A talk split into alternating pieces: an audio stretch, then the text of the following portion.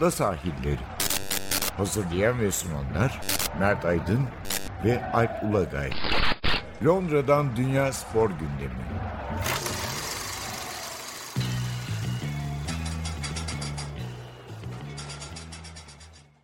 Ada sahillerinden merhabalar. Ben Alp Ulagay. Ben Mert Aydın. Bugün ağırlıkla İngiltere'den futbol konuşacağız. FA Cup, sonra da biraz Premier Lig. Ee, onlara girmeden önce yayın öncesi de biraz muhabbetini yapıyorduk. 3-5 dakika şundan bahsedelim. Fransız futbol malum bu arada Fransız futbol ekibi bünyesinde bulunduran Amatör Spor grupta bir grev dalgası var. Lekip gazetesi 5 gündür çıkmıyor. Hatta 6. da olacak galiba biz yayın hazırlandığımız saatlerde. O da belli olmuştu. Fransız futbola inandı bir şekilde. Yani bu haftaki salı günü çıkan Fransız futbol çıktı. Orada bir araştırma, derleme yapmışlar. Araştırmadan ziyade bir Aslında derleme bu- çünkü Evet. e, objektif değil, sübjektif bir Evet, evet. sıralama. Bu e, en efsanevi 50 maçımız. Yani biz şey var. Fransızlara göre, daha doğrusu Fransız futbola göre en efsanevi 50 futbol maçı. E, ağırlıkla tabii Fransa milli takımı ve Fransız kulüpleri var ama ikinci sırada 2005'teki Milan Liverpool Şampiyonlar Ligi finali de var. İşte 7. sırada 82 Dünya Kupası'na İtalya Brezilya maçı da var. Böyle bir liste. Ee, tamamen Fransız futbol yazarlarına göre. Birinci sırada ise ben sonradan hat- hat- yani hatırlamıyorum sonradan izlediklerim okuduklarımla biliyorum. Sen muhtemelen izlemişsindir. 1982 Tabii, tabii. Dünya Kupası'ndaki Federal Almanya o zamanki ismiyle Federal Almanya Fransa yarı final maçı var.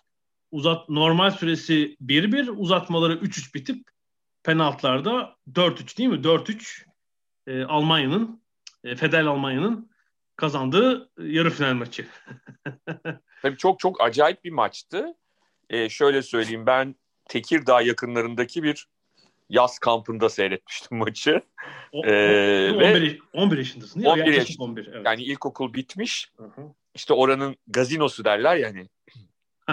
Gazinosuna renkli televizyon getirdiler. Oo süper. Yani biz oraya gittik. Dünya Kupası başlamıştı. Siyah beyaz bir televizyon vardı. Bir şekilde bir iki gün sonra o geldi ve kalan maçların hepsini ki daha birinci turdaydık. Ee, şeyde izledik yani renkli televizyonda izledik. O maçta da hatırlıyorum böyle işte hani kampta ne kadar insan varsa kadınlı erkekli herkes tıklım tıklım doldurmuştu. Ya Bugün çocuklar ön taraftaydık klasik. bugün en çok önde. anlaşılmaz bir şey değil mi? Renkli televizyon gelmişti ne demek ya? Yani şimdi bakınca çok çok garip geliyor değil mi? Renkli te- yani televizyonun renksiz olmaz ki zaten falan. Yani düşün tek kanal var. Abi o zaman hayat öyleydi. Evet. Televizyon tek, gelince hayat renkli oldu. Biz görmeye başladık her şeyi renkli görmeye başladık. tabii yani, yani tek kanal var o da siyah beyaz normalde. Yani televizyonun yoksa Tabii, tabii. Ve öne çocuklar dizildik böyle. Hani bizim yaş grubundakiler.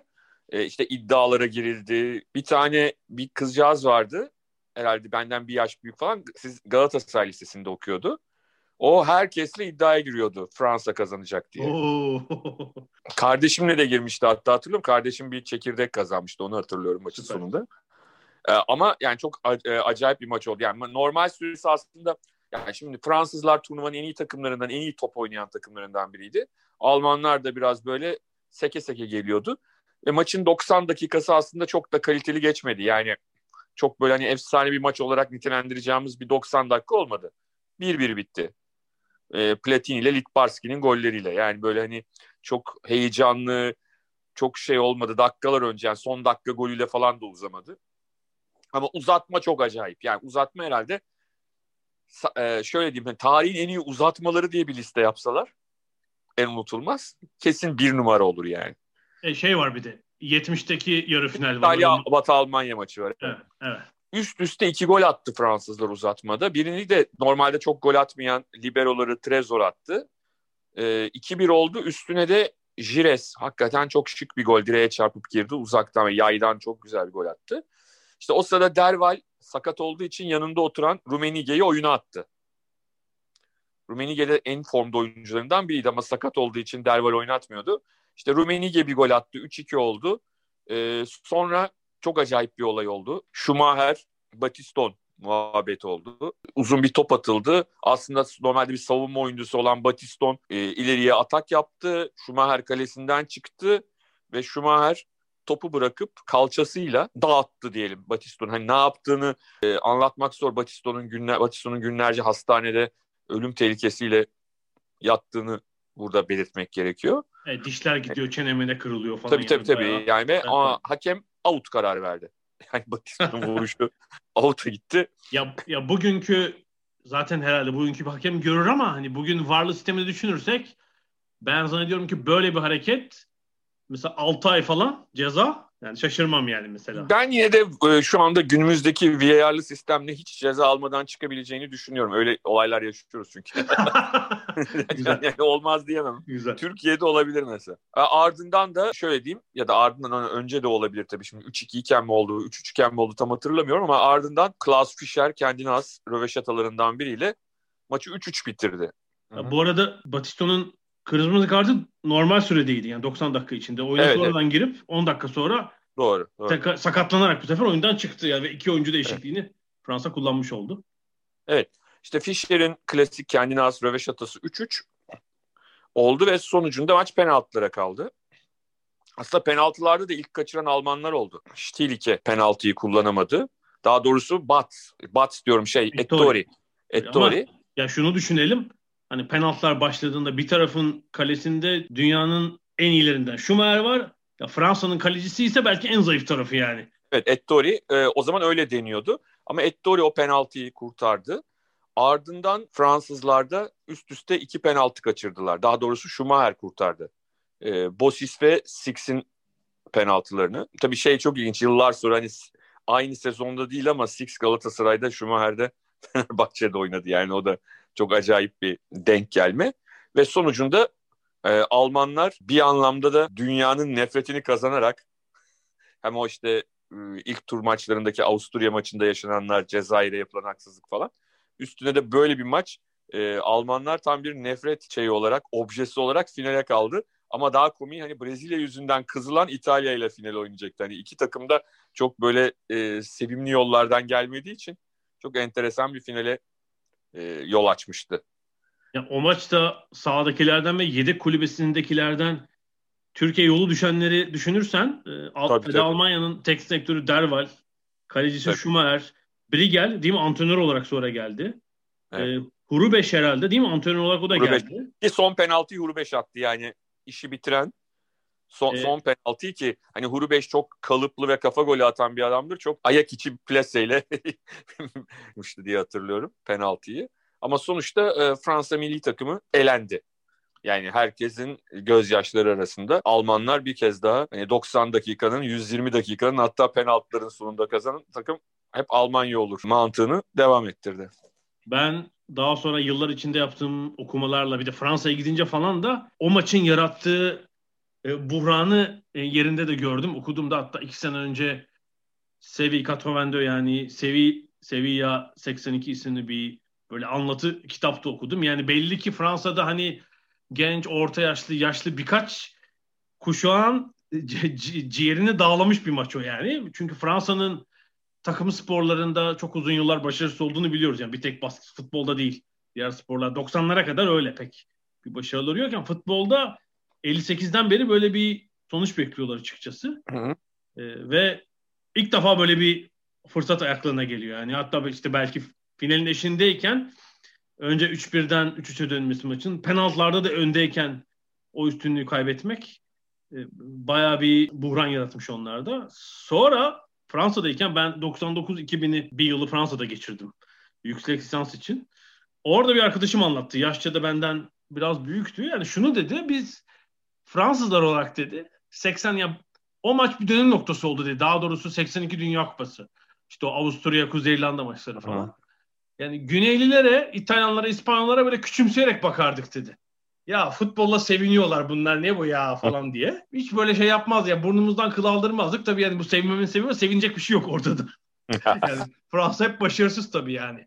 İşte 58'den sonra Galiba bir tek arada katıldıkları 66 var.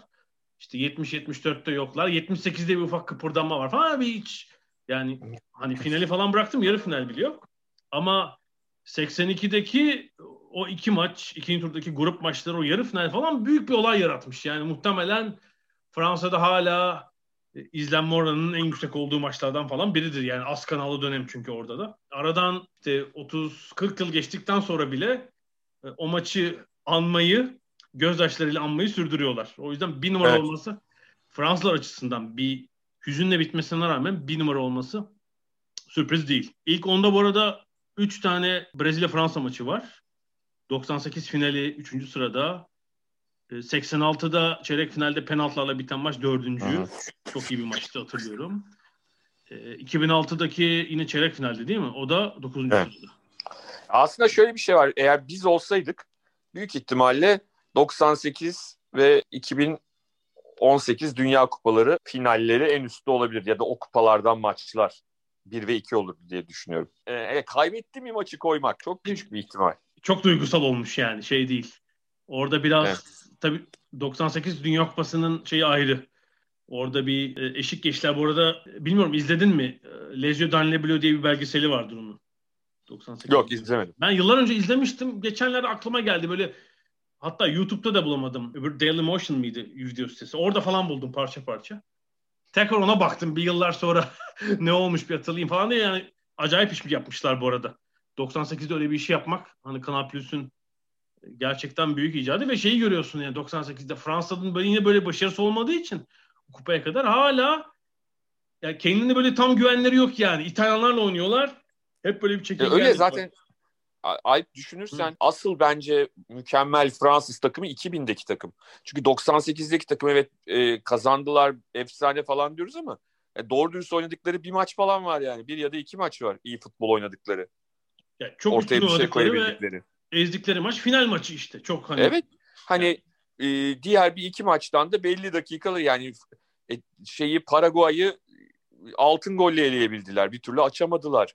E, şeyi ne derler? Penaltılarla. İtalya'yı penaltılarla Penaltı. eleyebildiler. Zaten... Hırvatistan'a neredeyse kaybedeceklerdi. Yani evet. çok da böyle acayip ama Euro 2000'deki Fransa ona şapka çıkarıyorum. Oradaki Fransızlar hakikaten Fransa takımı hakikaten yani dibine kadar hak ederek o işi götürdü. Hatırlarsan zaten çok iki takımın kadroları birbirine yakın da daha sonra oyuncuları ben tabii çeşitli seferlerde dinleme imkanı buldum. Onlar da zaten onu söylüyorlar yani. Çok yani bir aslında daha zor rakiplerle oynadık e, Euro 2000'de hem de hücum gücümüz yani hücum oyuncuları artık olgunlaştığı için daha komple bir oyunu oynayabildik orada diye onu söylüyorum. Yani falan da geldi. Biraz daha Givaş gitti. E, e, tabii işte Thierry Henry artık o kadar tıfıl değildi. Evet. Trezeguet, Henry, e, işte Zidane artık bir tamamen maestroydu falan. Onları işin içine katınca durum değişmişti. Bir tek o belgeselden gördüğüm hani yıl ya unutmuşum ben çok yıllar önce izleyince gerçek Didier Deschamps gibi bir karakter olamaz bence. Böyle bir karakter ve kişilik mutlaka vardır futbol dünyasında ama bir kez daha gördüm ki böyle bir şahsiyet gerçekten şunu söylerler Deschamps için o çok erken yaşta boyatmış ve ergenliğe girmiş. Hani 12 yaşında 12 yaştayken 2 yaş büyüklerin kaptanlığını falan yapıyor ve o uzamamış o, herhalde. E, o yaş grubunda sanıyorum ofansif orta saha oynuyormuş yani ve herhalde çok kuvvetli falan. Vurduğu gol çok gol falan atıyor. Belli ki onun çocukluktan gelen böyle bir yönetmeye falan böyle bir şeyi var. Eğilim var. Yani her maçın soyunma odasının devre arası maç önce sürekli konuşuyor. e, muhtemelen tabii antrenörler de bunu bildikleri için Hani zaten ona kaptanlığı falan veriyor ama sürekli konuşan bir tip o ve yani şeyle ilgili konuşma. İşte asılmalıyız, taktik veriyor, evet. gidiyor Zidane'a bir şey söylüyor falan sürekli. Çok acayip bir karakter gerçekten. Evet. Sonra da işte hoca olarak da Dünya Kupası'nı kaldırdı yani. Kolay iş, kolay olmuyor bu tip şeyler. Evet, az kişiye herhalde kısmet olabilecek başarı. Peki, bu klasmanı aşağı yukarı söyledik. Hani değinmiş olduk buraya. Buradan biz İngiltere'ye geçelim.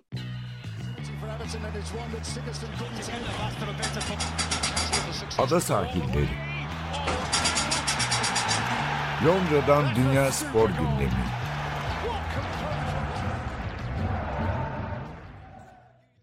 Önce İngiltere FA Cup'la başlayalım istersen değil mi? Çünkü bir renkli bir hafta sonu geçti. Evet. Bir sürü olay, heyecan, hikaye var. bir değinmek lazım onlara. İngiltere yani bu Ocak ayının ortası geldiğinde İngiltere'nin tümünde böyle bir heyecan olur. Çünkü üstteki iki profesyonellikle alt liglerin hatta amatörlerin buluşma hafta sonu olur. Ee, evet. Çünkü son 64'de oynanır kupanın. Son 64 takım. Üçüncü tur maçları. Yani aylarca öneleme ya da diğer turlarda mücadele eden takımlar işte Liverpool, Arsenal, Manchester United, Tottenham gibi takımlarla eşleşme, onları ağırlama, belki onların sahalarına gitme fırsatı bulur ve buradan bir sürü hikaye yaratılır. Ee, bu hafta, bu senede 32 demeyeceğim 31 maç çünkü maçların biri Covid sebebiyle ertelendi. Ee, Southampton Shrewsbury Town maçıydı galiba. Ee, ama 31 maçı oynandı ve tümünden naklen yayınlandı. Bu ilk defa oluyormuş galiba. Ana olarak BT Sport ve BBC yer kalmayan maçlarda da İngiltere Futbol Federasyonu kendi player'ından kalan maçları yayınladı. Yani 31 maçın naklen yayını 4 güne paylaştırılarak yayınlandı ve geçen hafta biraz konuşmuştuk. İşte bu normal bir sezonda bini aşkın takımla başlıyor. Yani amatörler, semt takımlarından işte profesyonel liglere kadar yüzlerce takım eline eline buraya geliyorlar ama işte önemli olan o, o maçları hafta sonu sığdırıp oradan bir takım hikayeler yaratmak. Bu hafta sonu da böyle hikayeler Oldu. vardı zannedersem. Herhalde Aslında... en ilginci de herhalde Marine FC'nin hikayesiydi öyle gözüküyor. Ay ben kendimize yontmamız gerekeni söylüyorum. Crawley Town'un Leeds United'la oynadığı maçı. Evet doğru yani aslında en Charlie, Marine FC ve Crawley Town'un herhalde hikayeleri haftanın en ilginç 3 hikayesiydi. Evet. Yani Marine'inki şeyden ilginç zaten hani sonuçta e, hani Crawley Town sonuçta profesyonel ligin bir parçası. Ama yani Marine FC bildiğin hani mahalle takımının biraz üstü herhalde değil mi? Sayabiliriz yani. E, tam bir semt takımı ya. Yani sahasına falan bakınca işte Liverpool'un kuzeyindeki Cross Yani arkada bal- balkonda izleyenler falan muhabbetinden. ya, ya, tamamen amatör takım bu arada. Yani antrenörleri hani maaş falan oluyor ama oyuncular işte otomobil satıcısı, işte bilgisayar satıcısı, çöpçü, çeşitli mesleklerden iki kişi profesyonel oyuncu diye geçiyor. Onlar da genç herhalde şimdilik az bir maaş alıp onunla idare ediyorlar ama işte tesisatçı, öğretmen, beden eğitimi öğretmeni falan. Asıl işleri futbolculuk olmayan amatör kişiler ve İngiltere Futbol Premier Ligi'nin 8. seviyesi. 7 küme aşağıda. Evet. Yani aralarında kaç takım olduğunu saymak e, kolay olmayacak. 161'miş ve rekormuş bu. Evet. Sen saymadın umarım okudun değil mi? yok yok saymadım. saymadım. Hat, hatta yüksek matematik gerektiriyor aradaki takım sayısı Yok bulmak. gerçekten o grup puan cetvellerine bakamadım. Maçın oynandığı gün yayınlanan haberde gördüm. FA Cup ki biliyorsun 149 yıldır oynanıyor. Hiç aralarında bu kadar sıra farkı olan iki takım oynamamış. Bu da beni şaşırttı mesela. Daha önce olmamış mesela. Evet. Çünkü genelde o tip takımların çoğu bu tura elenmiş oluyorlar. Yani kalıyor ama çok fazla kalmıyor. Ya, ya üçüncü tura gelmez muhtemelen. İşte daha önce galiba... Yani şeyler kalıyor. Yani e, işte hani şimdi Lig 2 dediğimiz dördüncü lig takımları falan kalıyor ama evet. hani o e, National League'den olanlar çok fazla olmuyor. Olanlar da demek ki başka liglerdeki takımlarla eşleşmişler. Böyle bir sıra farkı olmamış. E, ama Tottenham açısından bir idman maçı oldu yani. Hani hem şeyler Marin takımı kulübü onore olmuş oldu böyle bir takımla maç yaptığı için. Tottenham'da bir antrenman maçı gerçekleştirmiş oldu diyebiliriz herhalde. İyi para kazandı FC Marine. Yani normalde evet. maç seyirciyle oynansa işte 389 galiba koltuk varmış statta. Herhalde ayakta da seyirci alınacaktı. İşte bilmiyorum bin bile satılır mıydı orada belki değil. Ama e, sanal bilet uygulamasına gittiler biliyorsun destek için. Hı-hı. 30 binden fazla sanal bilet sattılar. Tanesi 10 sterlinden. E, 300 bin sterlin yapar. İşte bağış Hı. kampanyası, Jamie Carragher'ın reklamı, yok The Athletic'in sponsorluğu falan herhalde işte bir 350 bin sterlinlik televizyondan gelen para da var tabii bu maç yayınlandığı için. İşte.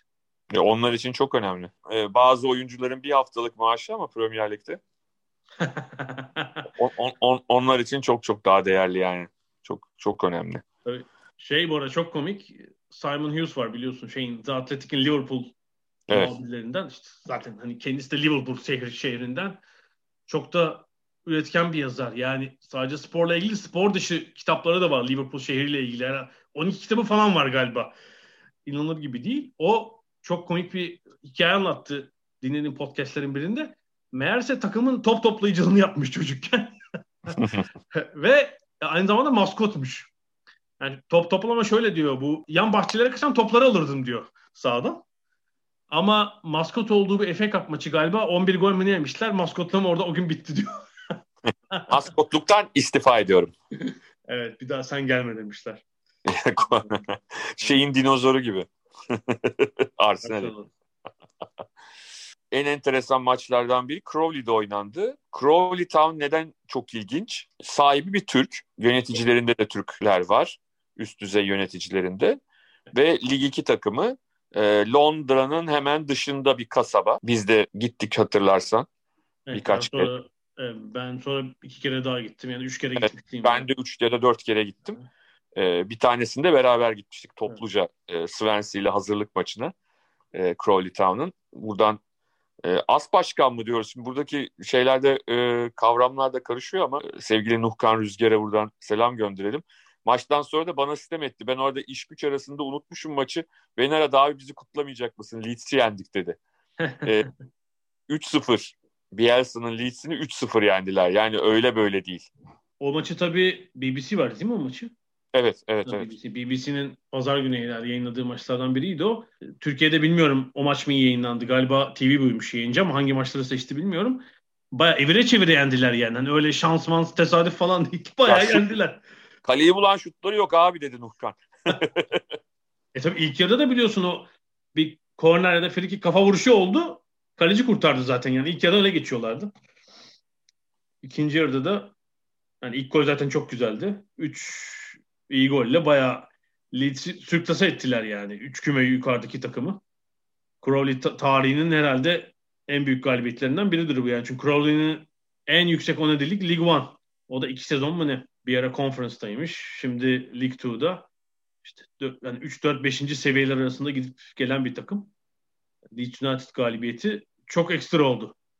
Tabii onlar için de zaten hep geçtiğimiz iki senede gide gele konuşa konuşa hani şunu öğreniyoruz ki hani onlar için de FA Cup'ta tur atlamak e, en az ligde bir üst lige çıkmak kadar önemli. Maddi kazanç anlamında da. Yani Leeds'i yenmenin havası tabii bambaşka ama diğer taraftan tur atladıkça yeni bir rakip yine parasal imkanlar. Tabii ki şey seyircisiz oynanması maçların bir handikap ama onlar için o tip takımlar için o liglerde 4 işte lig 2'de lig 1'de olan takımlar için çok büyük önem addediyor. Hem prestij hem de para anlamında. Normalde tabii normal bir sezonda mesela diyelim Premier Lig'in böyle çok seyircili büyük statlı takımlarından birine mesela deplasman kuras çektiklerinde çok Tabii, sevinir küçük takımlar. Çünkü Evet. tek maç üzerine oynandığı için ya da Evet. replay ama diyelim ki Manchester United Crowley maçı. Mağlup takım bile gişe gelenin %40'ını alacak. Yani Manchester United'ın Evet. kupa maçına bile 60 bin kişi gidiyor. Düşünsene Evet. o maçtaki Tabii. hasılatı işte 1 milyon sterlin kalsa zaten Crowley'nin olduğu League 2'daki bu sene salary cap var. Maaş tavanı var. Galiba 1,5 milyon sterlin. Bütün maaş toplanıyor. 1 milyon alsanız zaten maaşların üçte ikisi yani. Kurdunuz yani neredeyse ekstradan hani bir takım daha kurarsınız yandan da. Ama bu sene tabii o imkan yok. Yani ancak ne var? İşte yayın haklarından gelen para, televizyonda daha fazla maç yayınlandığı için ekstra sponsorluk olabilir. Onlar var. Başka bir şans yok. Bir de Crowley biliyorsun bu Mark Wright olayı var. Farkında Evet. mısın? Ya o da tam belgesel tam aynı haftaya denk geldiler. O da çok enteresan oldu. Yani BBC'de o belgeselinin yayınlanması artı Leeds galibiyeti hani daha üst üste cuk oturabilecek başka bir şey de olmazdı herhalde. E, yani Mark Wright 33 yaşında. Aslında gençliğinde işte Londra'da bir sürü büyük kulübün altyapı takımlarında oynamış. Amatör liglerde falan oynamış ama yani son 10 yılı onun bir televizyon yıldızı sunucu olarak geçmiş. İşte Survivor tipi Evet. galiba yarışmalardan sunuculuk falan yapıyor anladığım kadarıyla. Onu görmedim ama böyle bir işte profesyonel futbol oynama hayali falan var. Hep BBC'de belgesel seyrettiğimiz için pek izleyemiyoruz o yüzden evet. e, belgesel, caz, bizim öyle. Profesyonel olma hayali var ve BBC'de böyle bir şey yapıyorlar. Crowley Town'u da işin içine dahil. Bu arada kardeşi Crowley Town'da oynuyor.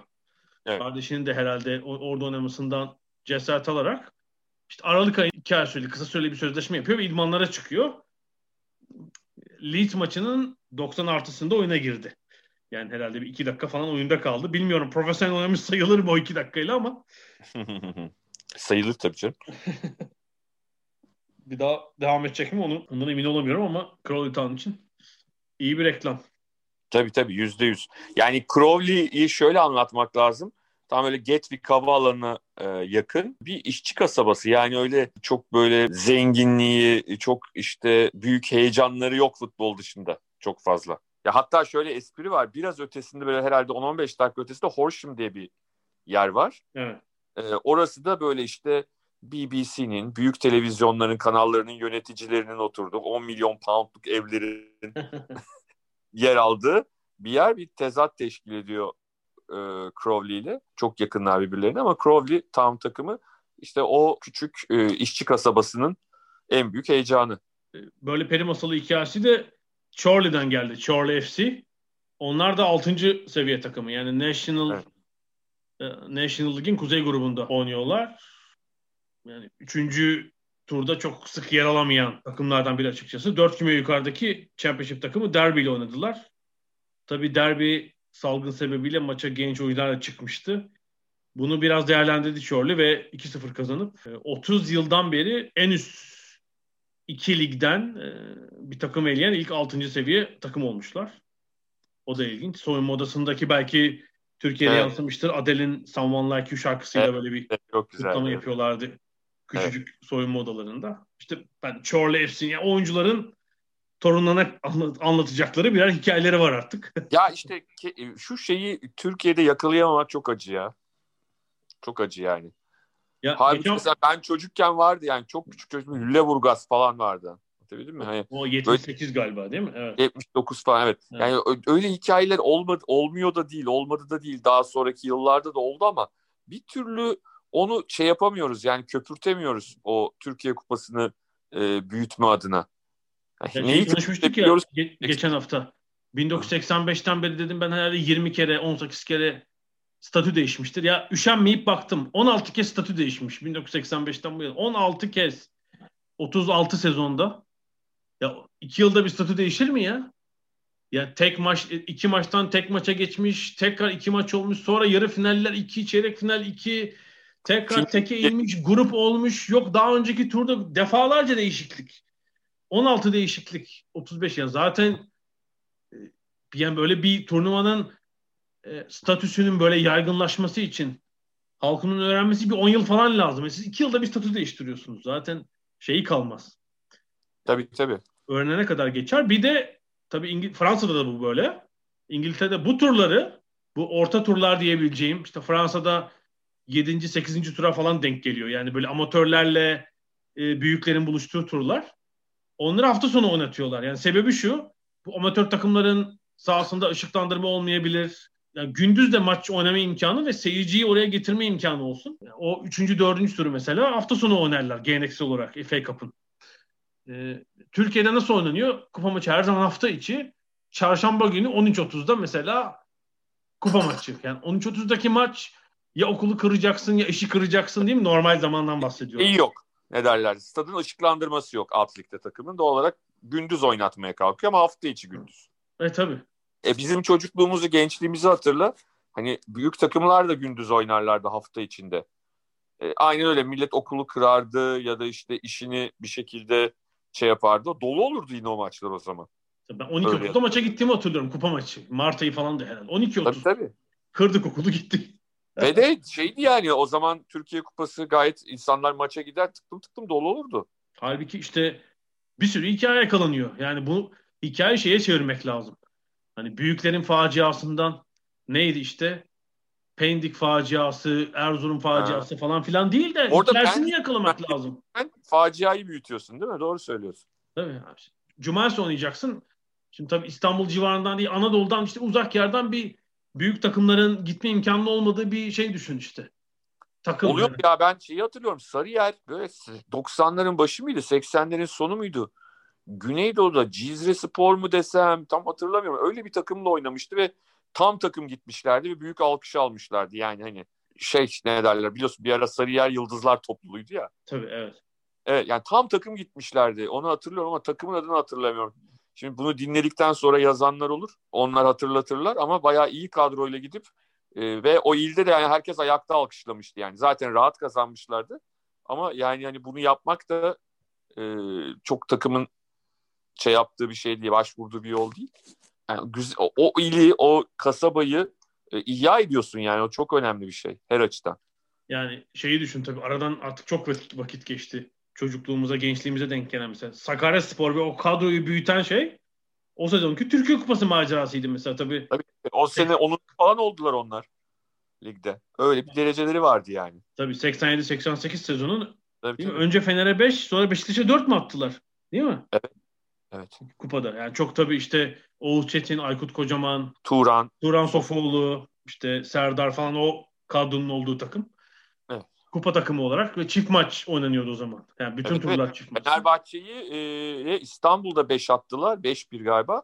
Rövanşlı Fenerbahçe kazandı şeyde Sakarya'da ama tabii ki o 5 o fark kapatabilecek bir sonuçla kazanamamıştı. Beşiktaş'ta 4-0 yanlış hatırlamıyorsam yenmişlerdi. Diğer 4-0, maçı evet. hatırlamıyorum ama. Evet evet 4-0. Beşiktaş'a 4 Bir sonraki tur falan olması lazım. Metin Hoca'nın beyin sarsıntısı geçirdiği maç. Ha, doğru. Doğru o eşleşme tabii evet. Evet. Ve bu yani bir de bu eşleşmeler yarı finalden önce bu arada. Yani yarı final ya da final değil çeyrek finalden bile önce olabilir. O zaman yani işte çift maç oynanıyormuş demek bütün turlar ve böyle seri başı uygulaması falan da herhalde yok. Abi, tek başı uygulaması yok abi. Ne kadar mantıklı. Yani şu anda Manchester United'da Liverpool birbiriyle eşleşti. Ama diğer tarafta çok acayip başka eşleşmeler var yani. Ama işte bütün hafta sonu biz neyi okuduk? Marine FC'nin maçına işte kaç kişi bilet alacak, Tottenham nasıl gelecek, Mourinho kenarda niye oturdu, e, Klopp'un maketini kim çıkardı, sağ kenarındaki seyirci falan ve BBC'nin tabii ciddiyetini görüyorsun. İşte gerilini kırılı ekip şey değil değil mi? O Marine FC maçı için Liverpool'daydı. Maçı, tabii. Ee, havadan şeyi gördüm mü bilmiyorum. Crowley maçı. Daha sonra Nuhkan'a soramadım. 3 4 tane yayın tırı vardı Crowley'nin sahasının orada. 4 koca tırla gitmişler maça. Ha, tam BBC tabii. Naklen Yani ilk gün yapıyor. ilk gün Newcastle Arsenal maçındaydı ana grup Aha, doğal aha. olarak. Hem Shearer hem Wright olunca doğal olarak. Marine Tottenham maçı yani çok çok şey için de büyük bir iş. Yani geliyorsun abi bizim maçın yorumcuları Gary Lineker, Alan Shearer falan hani o tip şeyler söylüyorsun falan. çok, o çok acayip bir şey yani o anlamda da çok önemli. Yani düşsene o amatör futbolcularla ilgili yorum yapılıyor. Yani adam 100 yıl oynasa orada her sene 165 bin tane gol atsa yine yani mümkün değil böyle bir e, yorumun yapılması onun oynadığı futbolla ilgili. Pazartesi akşamı da FA Cup'ta bir sonraki turun. Dördüncü turunda hatta beş, beşinci turunda kuralları çekildi. Yani hangi iki eşleşmenin sonraki turda birbirine karşı oynayacağı da belli ve dediğin gibi en ağız sulandıran eşleşme Manchester United Liverpool arasında. Demek ki İngiltere Futbol Federasyonu bu işi bilmiyor. Ama bilmedikleri için de finale kadar belki 7-8 tane büyük maç oynanacak. Ee, onun e, güzelliğini yaşayacaklar. Biz bir tane finali oynatabilmek için uğraşıyoruz. En sonunda o finalde oluyor ya da olmuyor yani. Hani her zaman da olmuyor. Bir de şunu hesaba katalım. Gelecek sezon yani 2021-22 sezonu 150. FA Cup değil ama FA Cup'ın 150. yıl dönümü olacak. Sen şeyi gör şimdi. İngiltere Futbol Federasyonu'nun yani herhalde zaten 5 yıl önceden bunun planını yapmışlardır. E bir de yani şu pandemiden kurtulursak onun da coşkusuyla nasıl olur? Uuu neler yaparlar artık işte ilk kupayı alanı bulduk falan. Abi o 152 O yaşında. zor abi. İşte onu yapamazlar. Onu yaparlarsa onun torununun torununa belki bir ödül falan verirler. Hani Tabii şey tabii kesin bulunur ama mesela benim Kuzey Londra'da bir arkadaşım var. Hatta burada olduğundan biraz geç haberim oldu. Görüşemedik de pandemi sebebiyle. Eşi İngiliz. E, Eşinin herhalde dedesi ya da büyük dedesi Aston Villa ile FA Cup kazanmış. 1908'de. Yani düşün aradan 112 sene geçmiş. Müthiş anlatılan bir hikaye ailede hala. Çok Mirim. gurur- gururla anlatılıyormuş. İşte madalya duruyor galiba falan. Böyle bir durum var. Var mı FA Cup'tan başka bir şey? Dikkat çeken bir Cenk Tosun'un golü var. Evet Cenk Tosun gol attı. Bir de golden sonraki hareketi işte politik bir anlam taşıyor mu taşımıyor mu ee, beraat etti o konuda. Bir sıkıntı yaşanmadı. Evet soruşturmaya gerek yok. Şimdilik Evet. FA Cup bölümünü kapatıyoruz. Bir ara veriyoruz. Aradan sonra da biraz Premier League konuşacak, konuşacağız. Belki pazar günkü Liverpool Manchester United maçına da biraz değiniriz. Az sonra görüşmek üzere.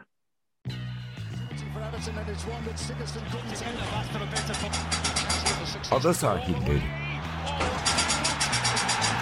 Londra'dan Dünya Spor Gündemi.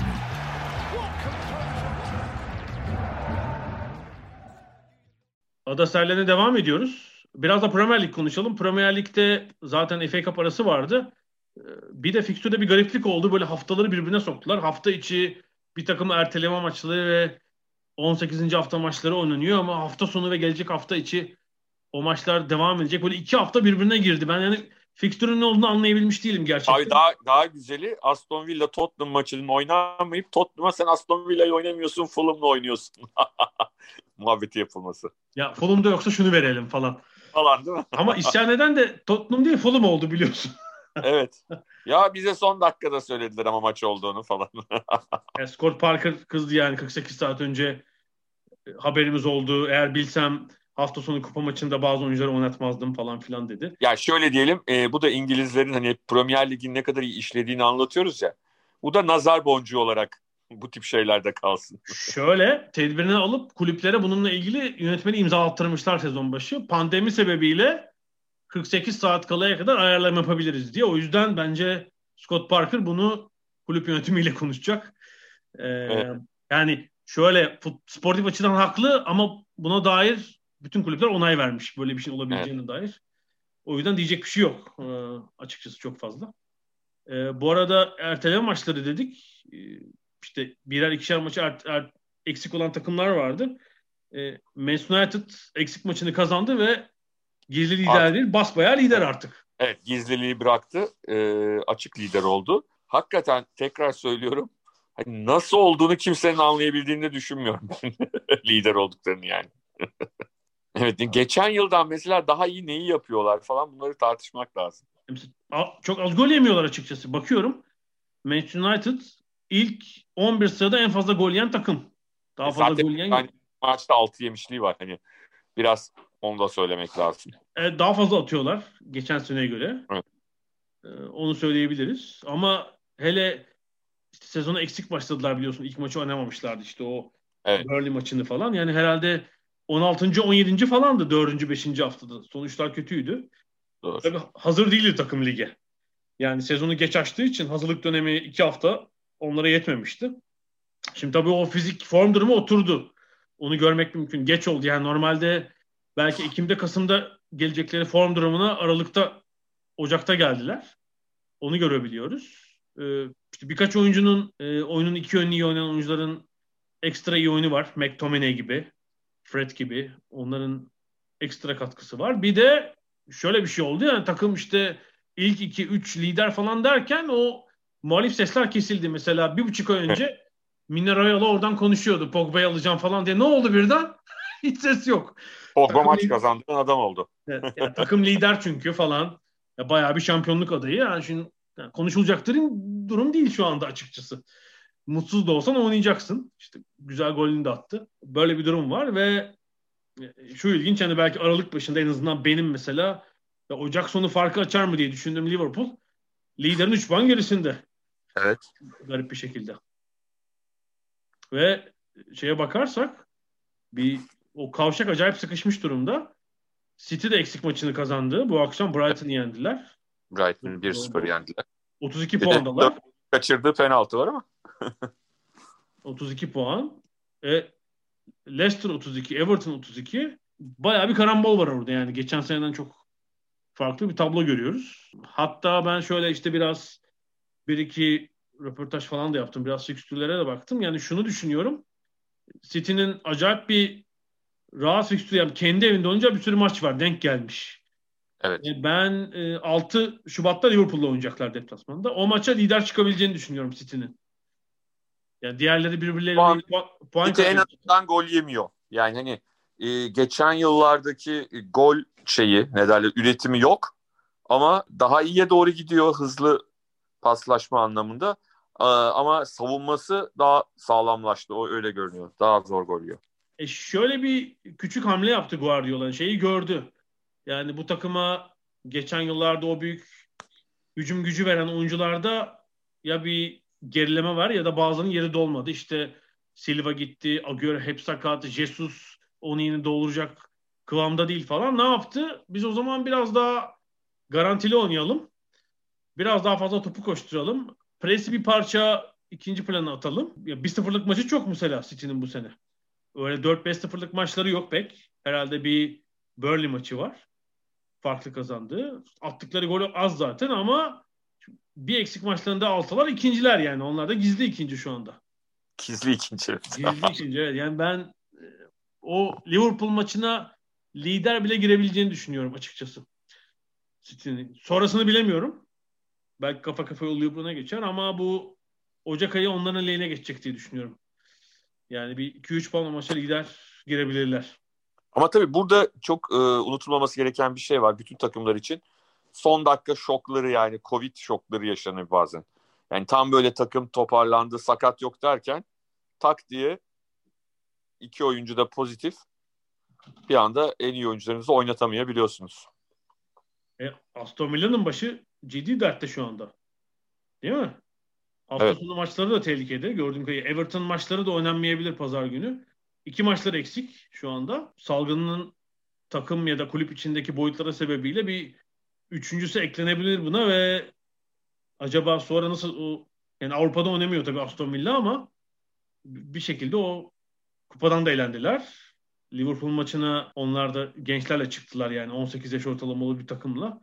İşte kupalarda olmadıkları için belki o sayede bir yerlere sıkıştırılır maçlar ama rakiplere de bağlı tabii.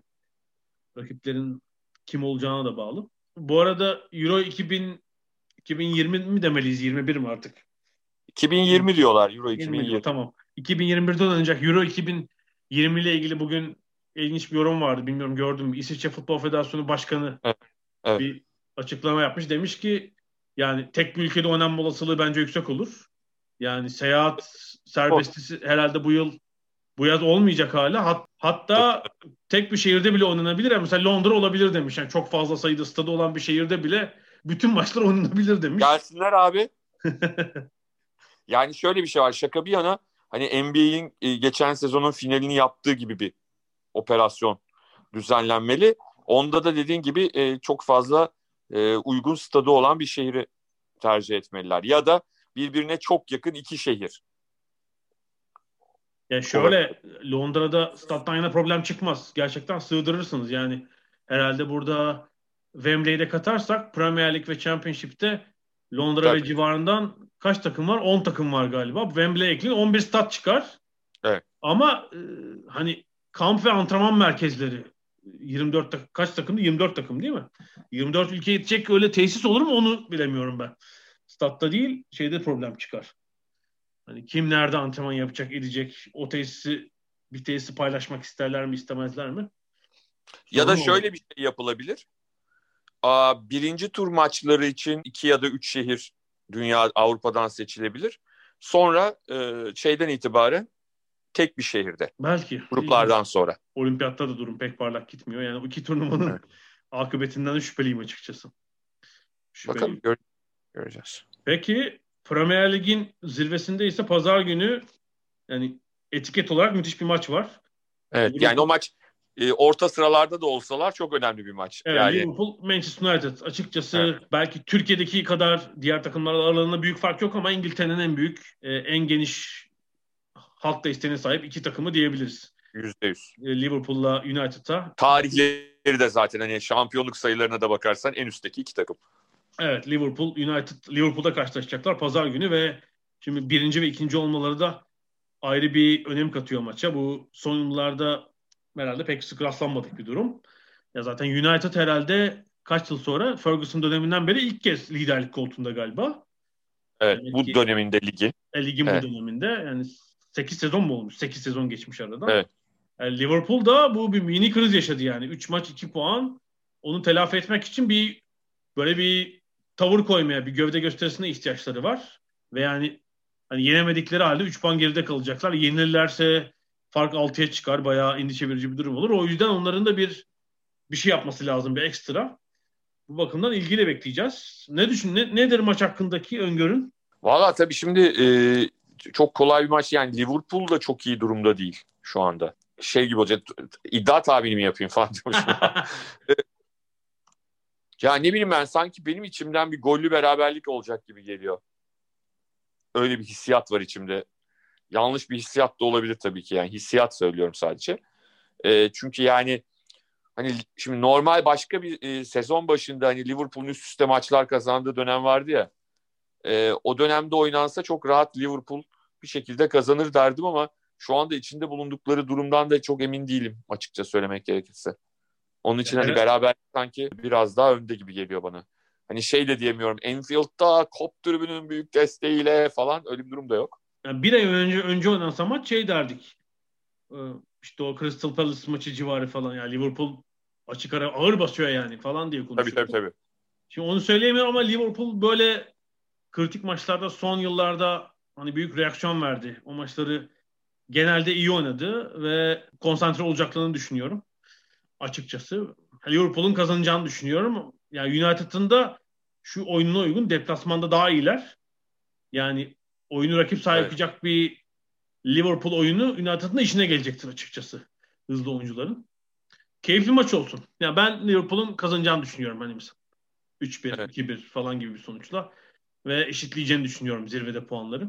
Defansif kurgu da önemli olacak yani. Son haftalarda işte Henderson, Fabinho oynatıyorlar ya mesela Matip'in küçük de bir olsa dönme imkanı var sanıyorum. Henderson'ın orta sahaya geçmesi mesela orada tabloyu değiştirir orta sahada hemen. Yani oradaki sertliği arttırır. Bence öyle bir şey ihtiyaç var yani. Bir şekilde Matip'i artık Doğru. kremini mi sürerler ne yaparlar bilmiyorum. O maçı çıkarmaları lazım en azından. en azından maçta. Doğru, doğru. Bir hafta sonra bir sonraki hafta da bu arada kupon olacak iki takım. Yani ya o maçın bir, tabii farklı stratejisi daha farklı. Tabii. Sadece hani ligin sezonun devamı açısından moral bir etkisi olacaktır bu maçların. Onu söylememiz lazım. Yani mutlaka mutlaka. Ama sonuçta lig maçının stratejisiyle öbürü farklı olabilir. Bambaşka şeyler ikisi de. Tabii ki ikisi de kazanmaya çıkacak da maçları. Oyun içindeki dengeler, oyun içinde skora göre hocaların yapacağı hamleler değişebilir ikisinde de. Tabii tabii bir de United maçından sonra Liverpool Londra'ya Tottenham'a gelecek. Bence Klopp mesela kadroyla oynayabilir yani. O kupa maçına bazı önemli oyuncuları çıkarmayabilir ilk 11'de. Şaşırmam. Göreceğiz hep beraber. Dediğin gibi umarım güzel bir maç olur. Yani çünkü bu sezon biraz bu derbiler e, ya da bu tip büyük maçlar çok iyi geçmedi. Sezon başından bu yana Premier Lig'de. E, çok temkinli davrandı takımlar genelde. Evet, çok evet, ekstra bir şey görmedik. Yani tempoyu yakalayan da hani bir 20 dakika 30 dakika oynayıp geri kalanını da idare ediyor.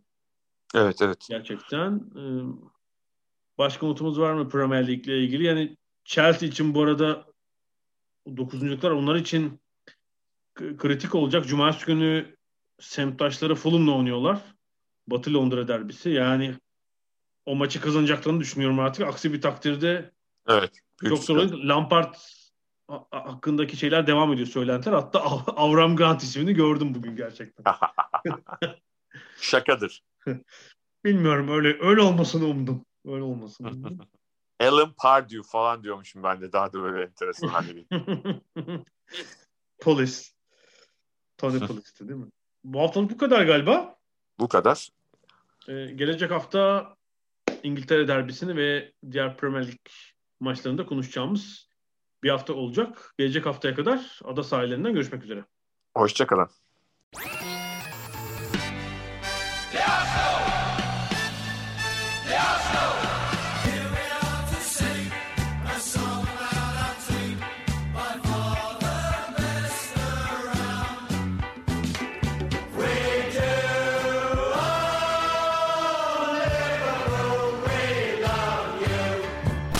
Ada sahilleri. Hazırlayan ve sunanlar Mert Aydın ve Alp Ulagay. Londra'dan Dünya Spor Gündemi.